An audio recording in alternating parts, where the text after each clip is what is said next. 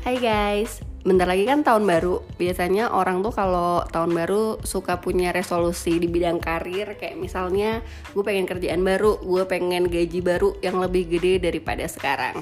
Nah hari ini gue lagi kedatangan seorang guest speaker. Hai Ici. Halo. Perjalanan karirnya Ici ini menarik banget dan beberapa kali gue suka revering ke orang yang lagi dimotivasi cerita tentang Ici saking menurut gue tuh sangat inspiratif Oh my god, thank you loh.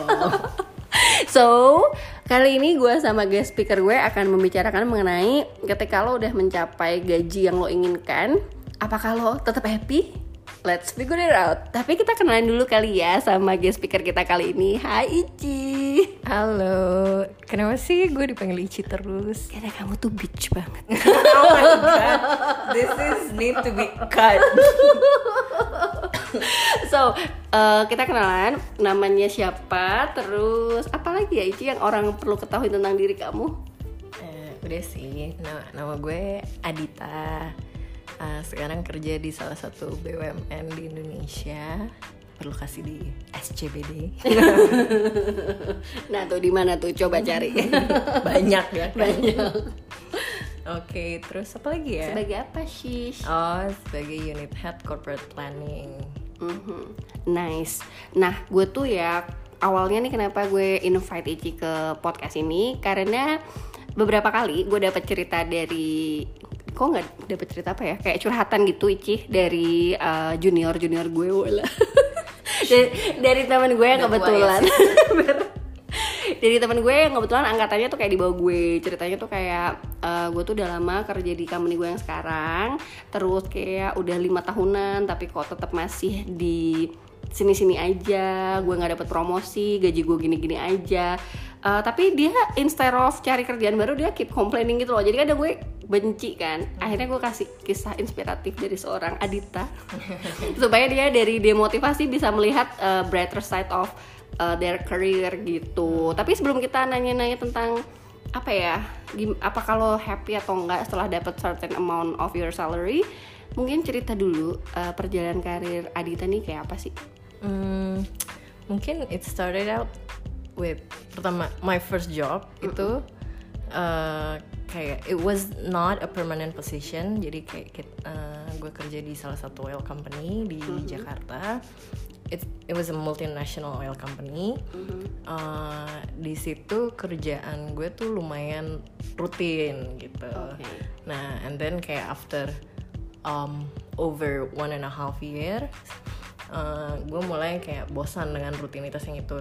Because I was not a permanent employee, jadi kesempatan untuk kayak rolling position itu juga sangat terbatas. oke And then uh, gue apply ke salah satu BUMN um, di Indonesia yang berlokasi di outskirt of Jakarta.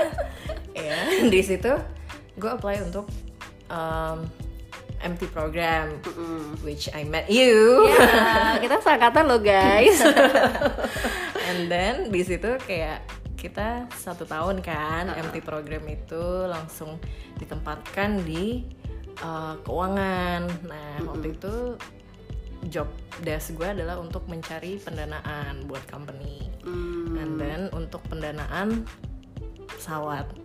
Iya. Ya, coba-coba tebak BUMN apa tuh yang jual-jual pesawat? Eh, beli-beli pesawat kok jual sih?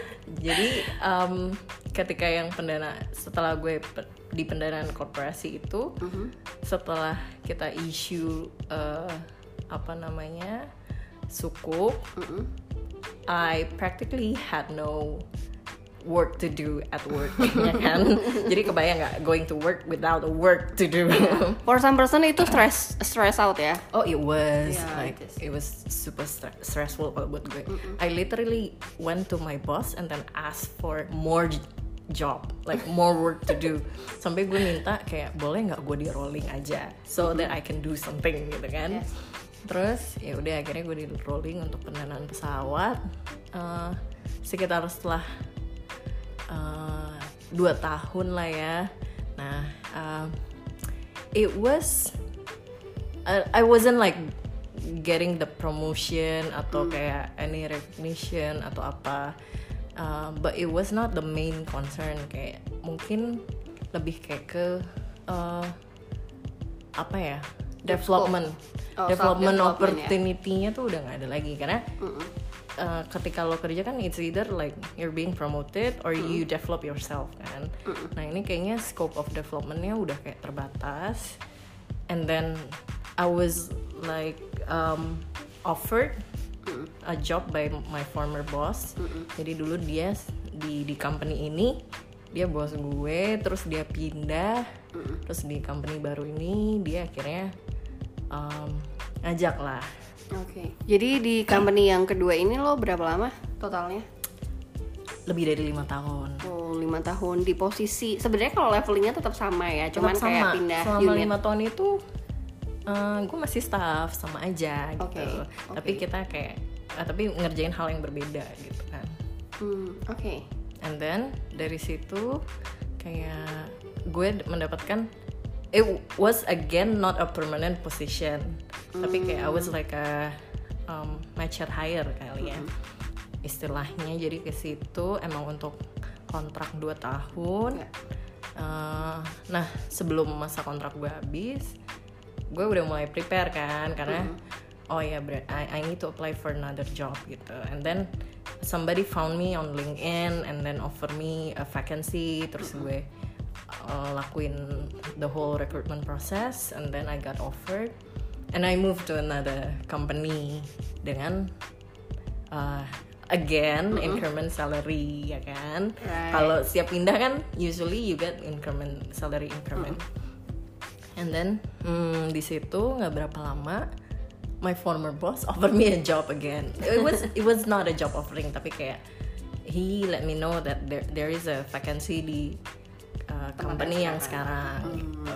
and then uh, he kind of recommended me to the the person in charge di in this company jadi kayak gue tetap harus interview tapi by by recommendation gitu Hmm, nice.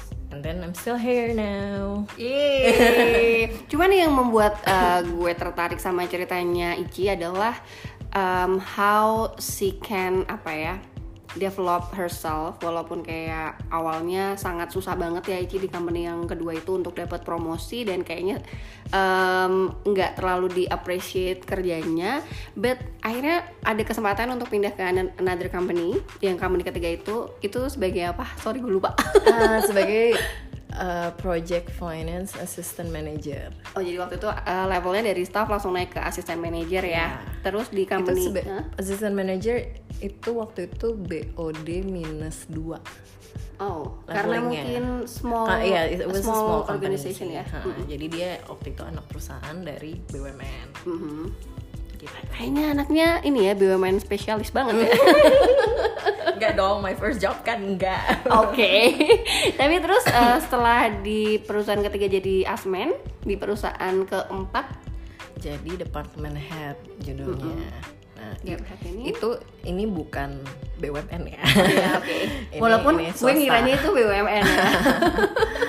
Eh, yang Yang keempat itu gue iya. pikir BUMN loh, Bo. Oh, I see. Oke. Berarti your knowledge nggak? Damn. Oke, iya jadi department head now Hmm, nice. now unit head. Well sebenarnya sih practically levelingnya sama tetap BOD minus 2 mungkin uh, scope scope dari uh, pekerjaannya aja yang jadi lebih luas karena dulu anak perusahaan BUMN terus ini juga anak perusahaan uh, sebuah perusahaan swasta yang lumayan besar terus sekarang di holding company gitu. Mm-mm. Kalau nggak salah kan terakhir ini walaupun kayaknya sebutannya unit head gitu kan, cuma secara leveling kan you are a VP, right? Iya. Eh, well, yeah, something like that. Yeah. Iya. It's cool guys, kayak nah ini ceritanya Dita ini selalu gue bawa ke teman gue yang lagi dimotivasi karena kayak udah lima tahun bahkan lebih dari lima tahun kok gue kerjaannya cuman gini-gini aja. Teman-teman gue dapat promosi gue nggak dapat promosi. Kan banyak tuh yang suka kayak gitu Ici. Jadi kayak gue cerita iya temen gue ada yang kayak gitu lima tahun bah- bahkan lebih ya kali ya iya lebih lebih lah. ya lebih ya Eh, kayak lebih lah. s- sebagai staff lima tahun tapi terus kalinya dia pindah ke company lain tuh langsung naik gajinya tuh tinggi Ya. naik levelnya lumayan terus uh, in less than three years I guess lo udah jadi VP ya sekarang Iya gak sih? Iya. Oh iya iya. Less iya. than three years lo dari uh, your last job di second company itu Wow, such a big progress, right? ya alhamdulillah ya mungkin emang jalannya harus kayak gitu jadi Iya. kayak uh, kalau yang merasa kayak aduh gue udah lima tahun kerja nih gue masih nggak gini-gini mungkin dilihat lagi sebenarnya lo kerja tuh lo mau nyarinya apa sih kadang-kadang kayak promotion it's not the only uh, apa ya? Thing yang harus di pursue Mm, mm, it it doesn't make you happy like instantly and then uh, eternally ya lebih pentingnya karena kayak menurut gue ketika lo kerja uh, lo har- harus bisa kayak merasakan kebebasan untuk melakukan pekerjaan lo. Terus ketika lo melakukan sesuatu yang benar you have to be appreciated. Appreciated does not necessarily mean kayak dikasih gaji yang gede dikasih apa. Tapi kayak your boss literally say to you like thank you for this.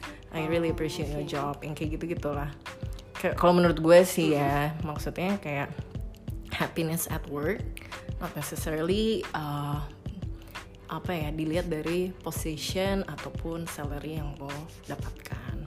Gitu. I see. Hampir jatuh nih aku saking terpukaunya sama Ici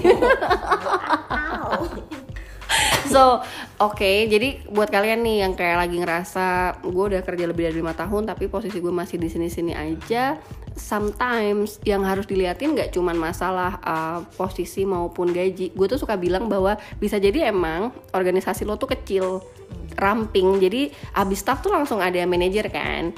Uh, harusnya kan di company lain ada supervisor, ada asmen. Nah, tapi kalau di company-nya dia emang cuma ada staff langsung manajer ya agak berat juga untuk nyari promosi. But at least lo harus um, apa ya ada self development lah kerjaannya nggak dari awal. Misalnya lo dulu kalau gue di marketing gitu ya, lo cuman kerjanya ngehubungin media atau KOL gitu. Tapi udah makin berkembang jadi ngerjain project-project lain. Dan I think salah satu hal seperti itu kali ya yang harus dicari. Tapi Ici nih kalau ada orang-orang di luar sana yang ngerasa capability dan kompetensinya udah besar tapi dia ngerasa em, dapat apresiasinya rendah dari company-nya atau dari atasannya menurut lo tuh apa sih yang harus dia perbuat untuk memperbaiki hal ini Eh, mungkin you can test the water ya. Kayak mulailah sebarin CV update your LinkedIn profile.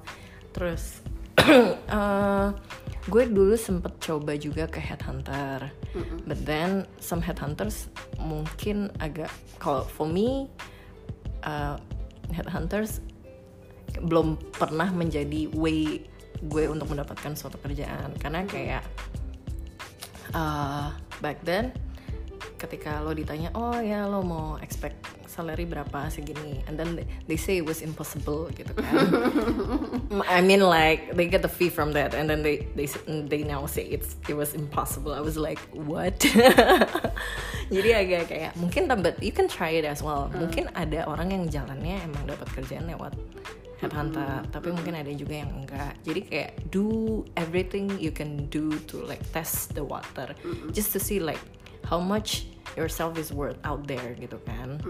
And then menurut gue juga kalau misalnya uh, you are really worth that much akan ada orang-orang yang kayak trust you with um, work like uh, beneran yang kayak megang lo banget. Like your former boss itu pasti I I see people kayak ditarik sama their former bosses di new company karena mereka trust them with their work gitu even they they can even like recommend um, them to like other company or other uh, people yang mereka kenal karena emang mereka senang gitu dengan kerjaan dan yakin mereka akan kerja dengan baik gitu I see. Tapi berarti intinya sebelum lo ngerasa pede untuk uh, cari-cari kerjaan di luar, ya lo juga harus membuktikan bahwa kerjaan lo tuh bagus ya gak sih? Mm-mm, benar. Dulu waktu gue di second company itu, the recognition I got the most is from my counterparts. Jadi uh, lumayan kayak yang it was really appreciative sih for my myself to be like seen as responsive and helpful gitu kan. Jadi kayak be the best version of you possible. Jadi jadi kalau kantor tuh mungkin fokus kali ya. Nggak usah drama-drama nggak penting gitu ya kan? Jadi emang you go to office to work gitu. Nggak usah mikir-mikir yang aneh-aneh lah ya. then don't mind people juga. Kayak they can like say anything about yourself but just bear in mind kayak lo ke kantor buat kerja gitu itu sih Tuh guys, ke kantor tuh buat kerja, nggak buat nyari eh, muka ya. ya benar itu pun ya kan kan? Sebenarnya menurut gue cari muka yang paling bener caranya adalah dengan lo bekerja dengan sangat baik sampai muka lo kelihatan sama bos lo gitu. Exactly, exactly. Oke, tapi selain itu ya Ici, gue tuh ngeliat lo tipe orang yang sangat hard work, hard worker. Aduh, kenapa sih gue selalu jatuhin handphone? lo kan tipenya hard worker banget gitu, kayak uh, dan very detail oriented. Mungkin lo kayak bisa sharing um, gimana sih cara menunjukkan uh, the best version of me while I'm working. Karena kalau gue pribadi ya gue tuh bukan anak yang detail tapi gue tipenya yang eksperimen. Jadi gue kayak trial and errors nyobain any kind of activity. Tapi kalau lo kan kayak persisten gitu. No, kayaknya kita most of the time sama sih. Maksudnya tip- tipikalnya sama, cuman mungkin karena lo di bidang marketing, gue di bidang keuangan, eh, apa ya, kayak uh, curiosity-nya tuh berbeda aja. Jadi kayak gue uh, beruntung gue pernah punya bos tuh yang sampai saat ini pun gue jadikan kayak my work mentor gitu. Jadi if there's anything kayak gue selalu look up to him gitu. Nah dia juga yang ngajarin gue untuk selalu uh, ngasih sesuatu tuh udah paling the best standard that you can give your boss gitu kan kayak lo recheck lo double check ketika lo udah selesai ngerjain tugas jangan kayak langsung happy with it. Kayak you double check you ask your colleague to double check your your work gitu kan. Terus kalau lo diminta ngerjain sesuatu jangan kayak langsung give up yang kayak aduh gimana ya kayaknya nggak bisa deh gue paling nggak suka orang langsung ngomong kayak kayaknya nggak bisa deh. What have you done? gitu kayak. Kecuali Kesel kayak oh ya ini nggak bisa karena ini ini ini. You give you give them the data you give them the calculation whatsoever. Tapi kalau belum apa apa lo udah bilang kayak nggak bisa deh. I really hate that. Kayak eh, jadi kayak mungkin lo jangan langsung eh, bilang nggak bisa.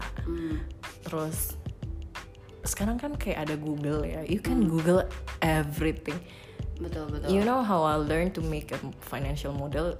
Googling kayak formulanya tuh apa? Literally like you have to do like everything possible to like do your work ya kan? Jadi emang hmm, apa ya harus persistence, terus harus nggak mudah patah arang. Terus kalau lo juga mulai merasakan oh kayaknya gue nggak dilihat nih apa-apa. Maksudnya there there will always be a time kayak your boss itu like or dislike kan. Jadi nggak nggak semua bos itu bisa objektif. Ada yang subjektif lo tetap harus perform dengan optimum. Jadi pas lo pergi orang tuh nggak kayak oh karena dia demot kerjanya jadi jelek banget sih kemarin. Yang kayak gitu. Jadi uh, record lo di situ tetap flawless gitu kan. tetap meninggalkan reputasi yang bagus ya walaupun waktu kita udah mulai demotivasi eh, udah mulai males kerja. Eh tapi gue tertarik sih sama yang lo bilang. Karena gue sih nggak ngelihat apa ya demotivasi lo beberapa tahun yang lalu tuh ngebuat kerjaan lo tuh jadi jelek. Tapi lo kayak selalu berusaha profesional eh, ngerjain sesuatunya tuh ya standarnya tuh sama gitu. Iya, ya itu tadi sih. Karena gue nggak mau kayak, hmm, oh iya dia demo terus ini. Karena menurut gue, there is no reason di kantor untuk lo moody. Kayak people should not give a beep about your personal life and they uh, don't give a as well kalau lo punya apa. Jadi kayak ya harusnya orang tuh nggak mencampuri urusan personal orang lain dan orang itu tidak membawa personal problem ke Iya, kantor. Setuju, setuju. Walaupun misalnya lo kayak lagi break up sama pacar lo atau lagi berantem sama pasangan lo di rumah atau orang tua lo di rumah, ya udah tinggalin aja di rumah. Kalau di kantor ya you become the new version of yourself yang emang profesional. When you step in into office, you have a responsibility di kantor itu. Jadi if you need a time, just take a day off menurut Yeah. gue. Ambil cuti. Lo punya 12 tahun 12 hari cuti, yeah that's one of them is probably for your moody day atau atau Hmm. apalah you name it. Tapi nggak kayak terus lo jadi kayak di di, kantor males-malesan nangis eh, nangis gue berapa kali sih nangis tapi tetap balik lagi ke meja jadi profesional lagi ya bu Gak apa-apa lah kalau nangisnya ambil ke toilet ya kan. diputusin Oke.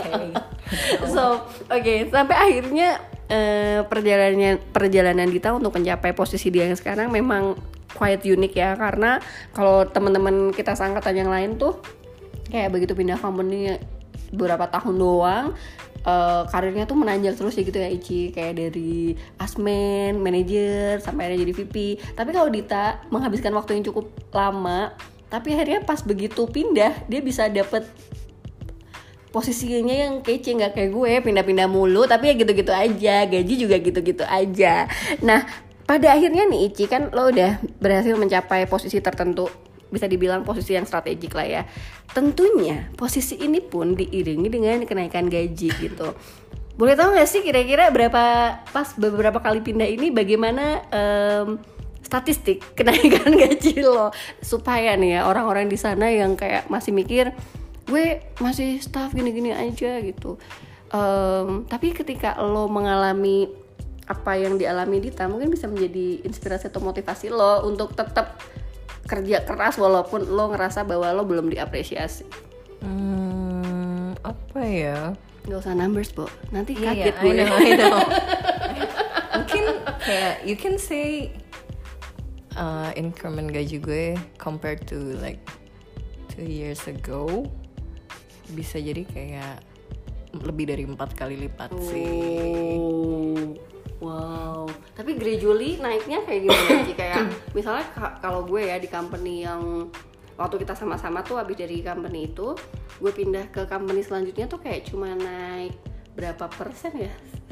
Kan 10, normally people kayak 20 lah ya, 20 persen. nah mungkin lo kurang nego kali menurut gue kayak naik 20 persen, habis itu sempat mengalami kenaikan paling gede 50 persen. Habis itu ya naiknya standar 20, 30, 20, 30 gitu. Tapi emang normally people kayak pindah kerjaan kan 30% lah ya, Iya, at least. 30 tuh udah gede guys. iya gede ya lo sebenarnya. Oh.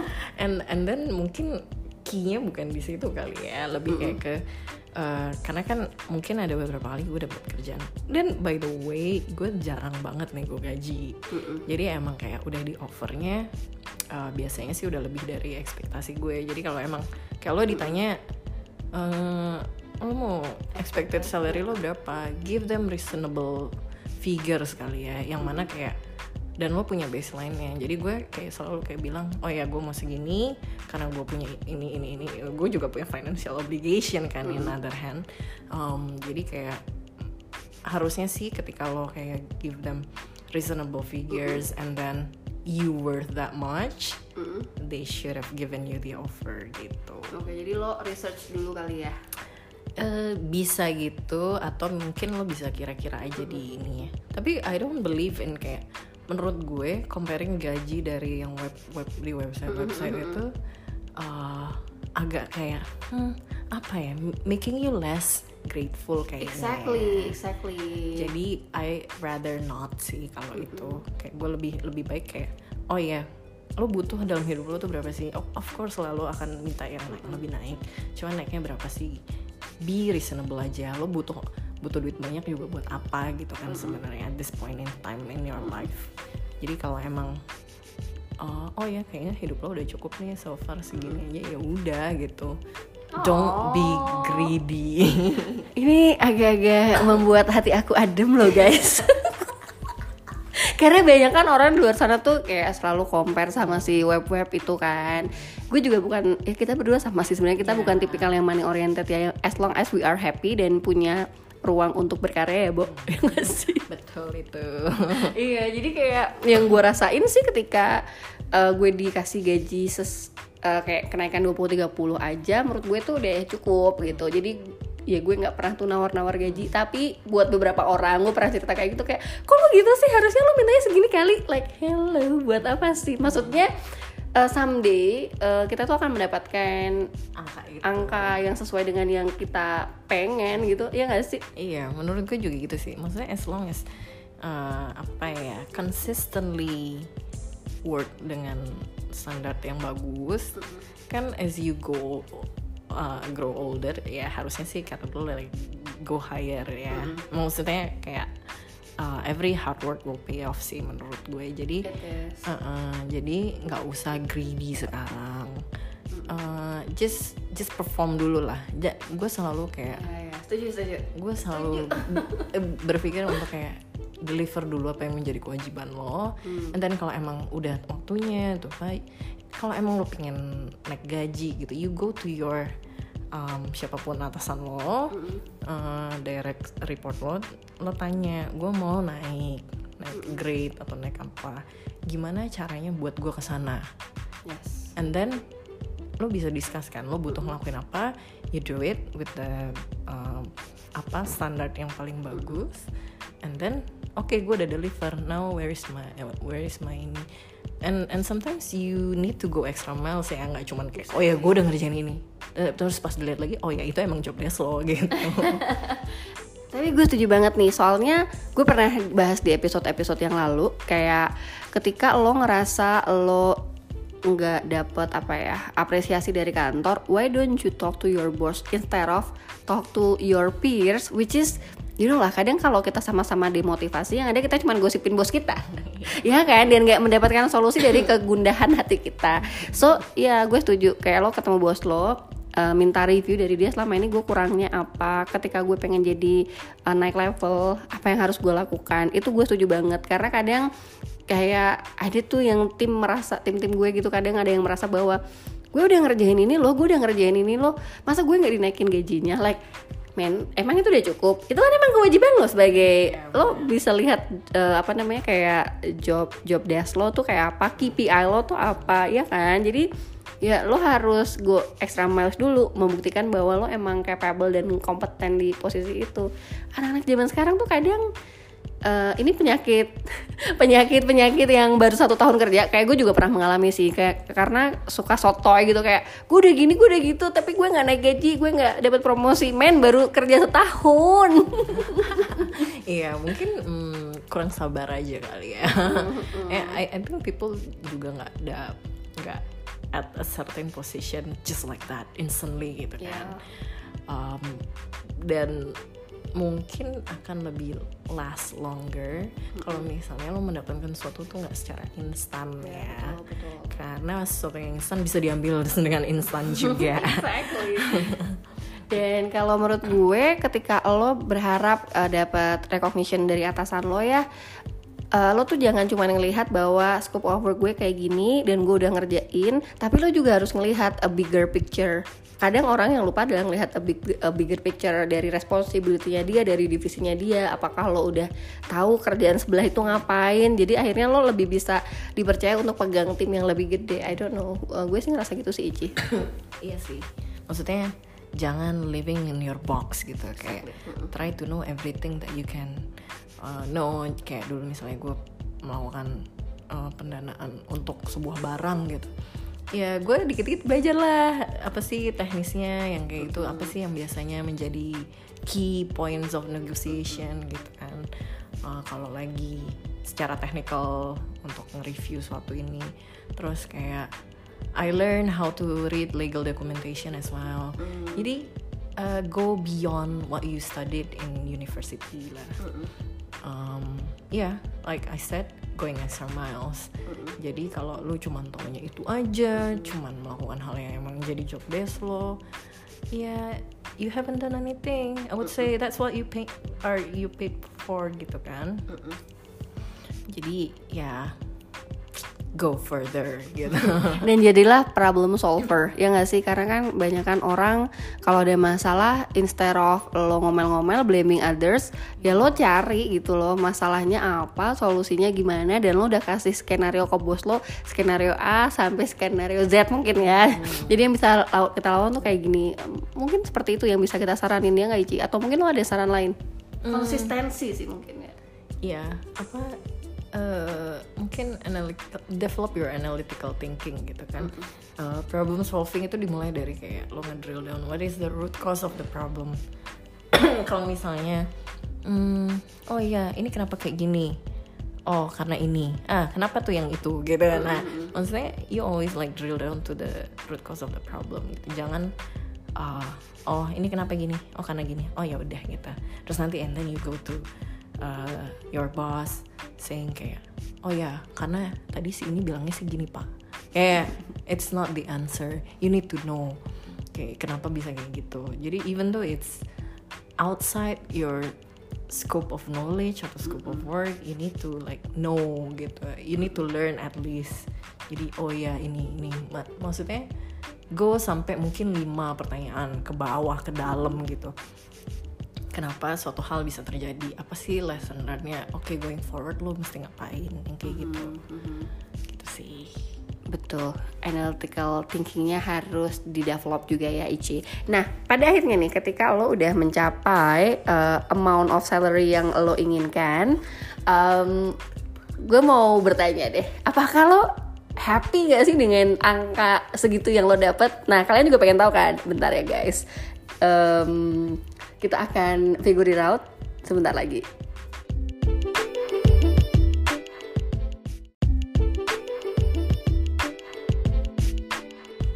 So Ici, kita kan tipikalnya sama nih. Kita tuh bukan tipikal yang money oriented. Jadi ketika ditanya gaji itu ada di prioritas nomor berapa sih dalam mencari kerja buat of us pasti akan bilang itu bukan nomor satu gitu kan. Yang penting gue dikasih apa ya uh, room to grow dikasih kesempatan untuk explore di bagian kerjaan gue.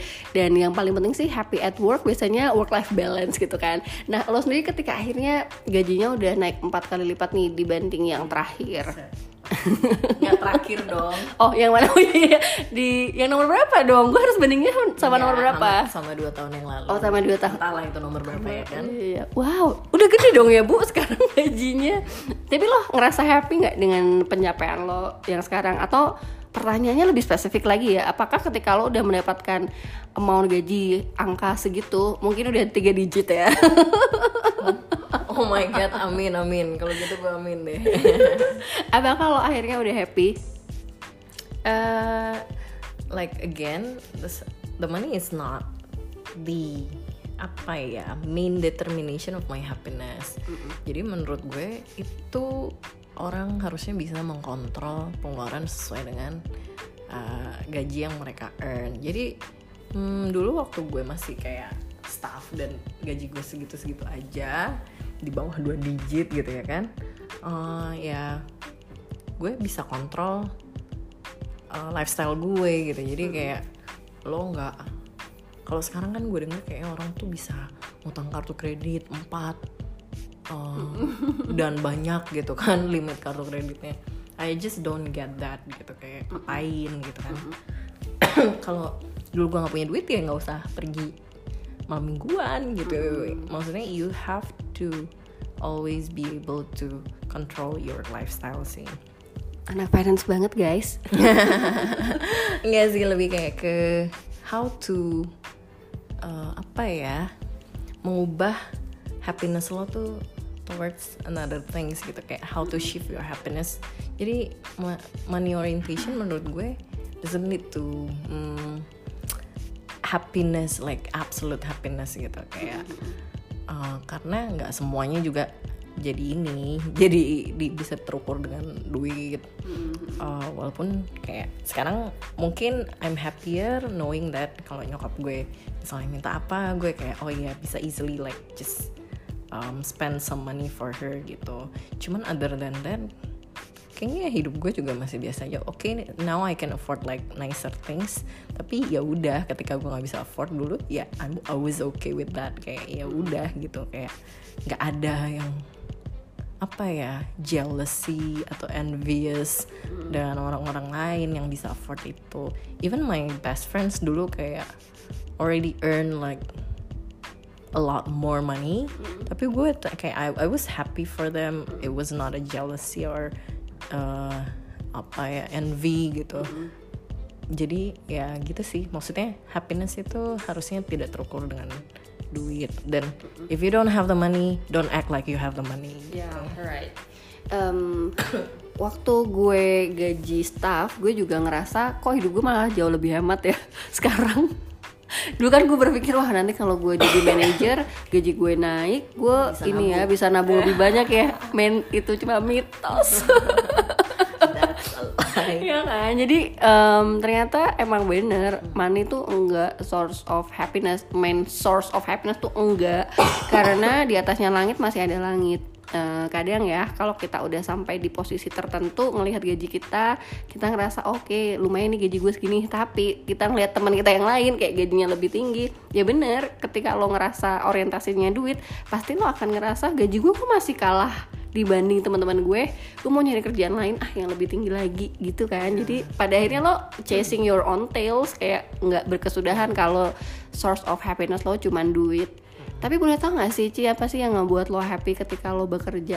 Apalagi di uh, company yang sekarang ya menurut gue lo secara fisik nih kita ketemu lo tuh lebih kayak shining. Uh, you look like a lot happier. atau mungkin skincare-nya sekarang lebih mahal ya? Hmm. Eh, apa ya kalau buat gue sih di tempat kerja tuh yang I value the most adalah em, bos yang bisa gue sangat amat I can I can tell that I'm very like boss oriented Hmm, bener-bener. jadi how I get along with my boss is very important. Yep. um, get alongnya bukan not necessarily mean gue harus kayak jilat-jilat atau gue harus puji-puji. No I cannot be myself uh, yang kayak jilat. I cannot be somebody like that gitu. Jadi uh, I need to have the freedom uh, to express myself. Jadi kalau gue nggak agree with with them kayak gue bisa uh, having argument argument ya guys nggak berantem. Terus uh, and then uh, I can have a free discussion terus kita bisa saling kayak ngasih masukan uh, terus uh, harus bisa bos yang mengapreciate juga soal kerjaan lo. Yang emang kalau udah jelas-jelas lo going extra miles gitu. Jadi boss dan mungkin kalau environment I, I thought I was envir uh, apa ya environment focus gitu. Tapi now that I think about it kita tuh di Indonesia lu mau di tipe perusahaan macam apa pun orang-orangnya juga tetap orang-orang Indonesia gitu. Jadi sama aja. Jadi if you don't like to kayak being aduh perusahaan gue nih ibu-ibunya bawel banget nih ngomongin gini-gini. Men kayak di perusahaan lain juga akan ada ibu-ibu lain yang akan kayak gitu. Jadi kayak Betul-betul. Nah mulai saat itu gue yang kayak hmm, maksudnya I've been in like five different companies. Jadi kayak I know that you can always have that in other company. Jadi kayak oke itu harus gue coret dari penentuan whether or not gue suka. Terus gue cari ternyata emang gue boss oriented sih kalau menurut gue. Dan satu hal sih kayaknya tuh eh, di tipikal kita juga kita tuh seneng gak sih ketika kita membuat eh, produk atau hasil kerjaan kita tuh yang eh, long lasting yang yang kayak dipakai orang setelahnya dan berkontribusi terhadap em, either in- apa sih organisasi kita maupun klien kita atau a bigger society gitu kan apalagi lo di BUMN gitu kan lo mengalami kayak gitu juga gak sih ngerasa bahwa yang penting gue punya karya yang bisa gue em, dalam tanda kutip banggain gitu Iya, jadi it's a matter of legacy sih. Uh, percuma kalau lo pinter tapi untuk diri lo sendiri. Jadi kayak you create something that people can be uh, can use for like another five years lah at least. Because nowadays technology can developing uh, rapidly. Jadi mungkin lo nggak bisa expect yang kayak oh ya mereka akan pakai ini 20 tahun. Tapi kayak at least for five years mereka bisa. After uh, you left kayak mungkin orang tuh tetap pakai kayak uh, as of now even dari company yang dua tahun yang lalu gitu ya mereka masih sering kontak oh ya kita masih pakai spreadsheet lo nih. Emang and they they were like um, appreciating my work. Oh ya emang kerjanya rapi banget sih nih anak yang kayak gitu.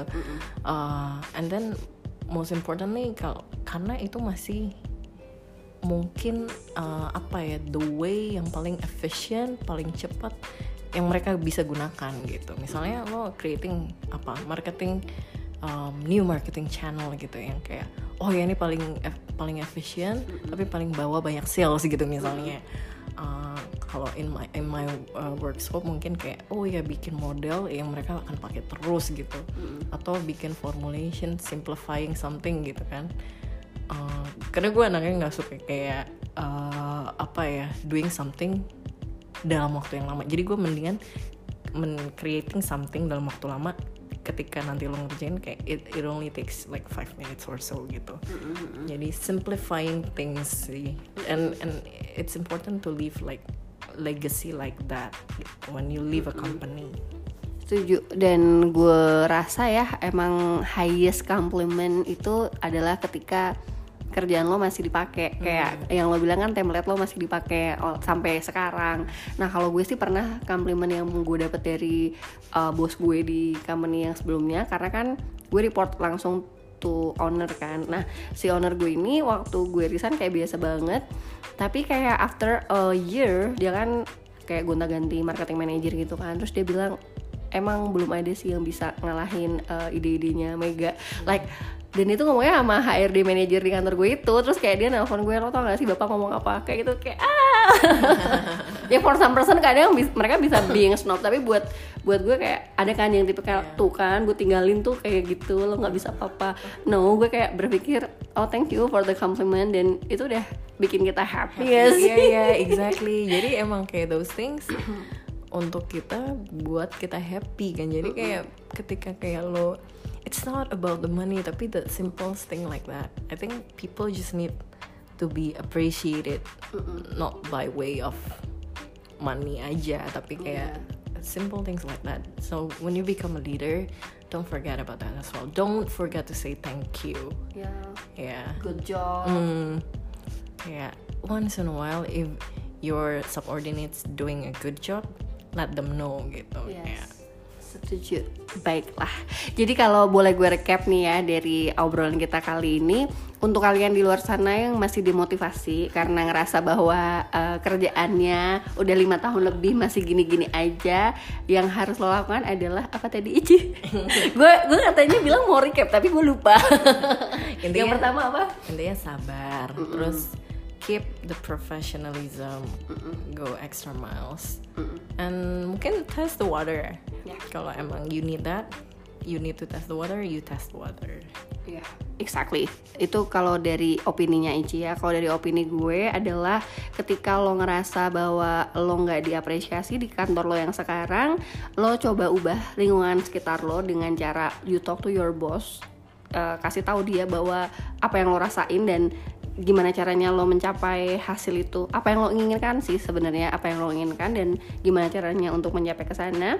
Yang kedua lo ganti mindset lo bahwa oke gue demotivasi tapi seperti tadi yang dibilang Ici lo tetap harus profesional dan gimana lo self developmentnya harus lebih belajar banyak lagi skillnya harus ditingkatkan lagi dan see the bigger picture from your division.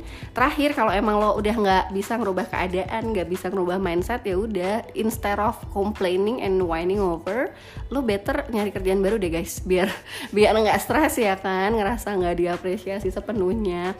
Dan yang terakhir ketika tadi kita membicarakan ketika udah mencapai posisi tertentu dengan gaji yang kita impi-impikan gitu ternyata itu nggak menjamin happiness kita. It's not an absolute happiness kalau kata Ici ya kan? Iya betul. Yang bikin happy adalah apa tuh?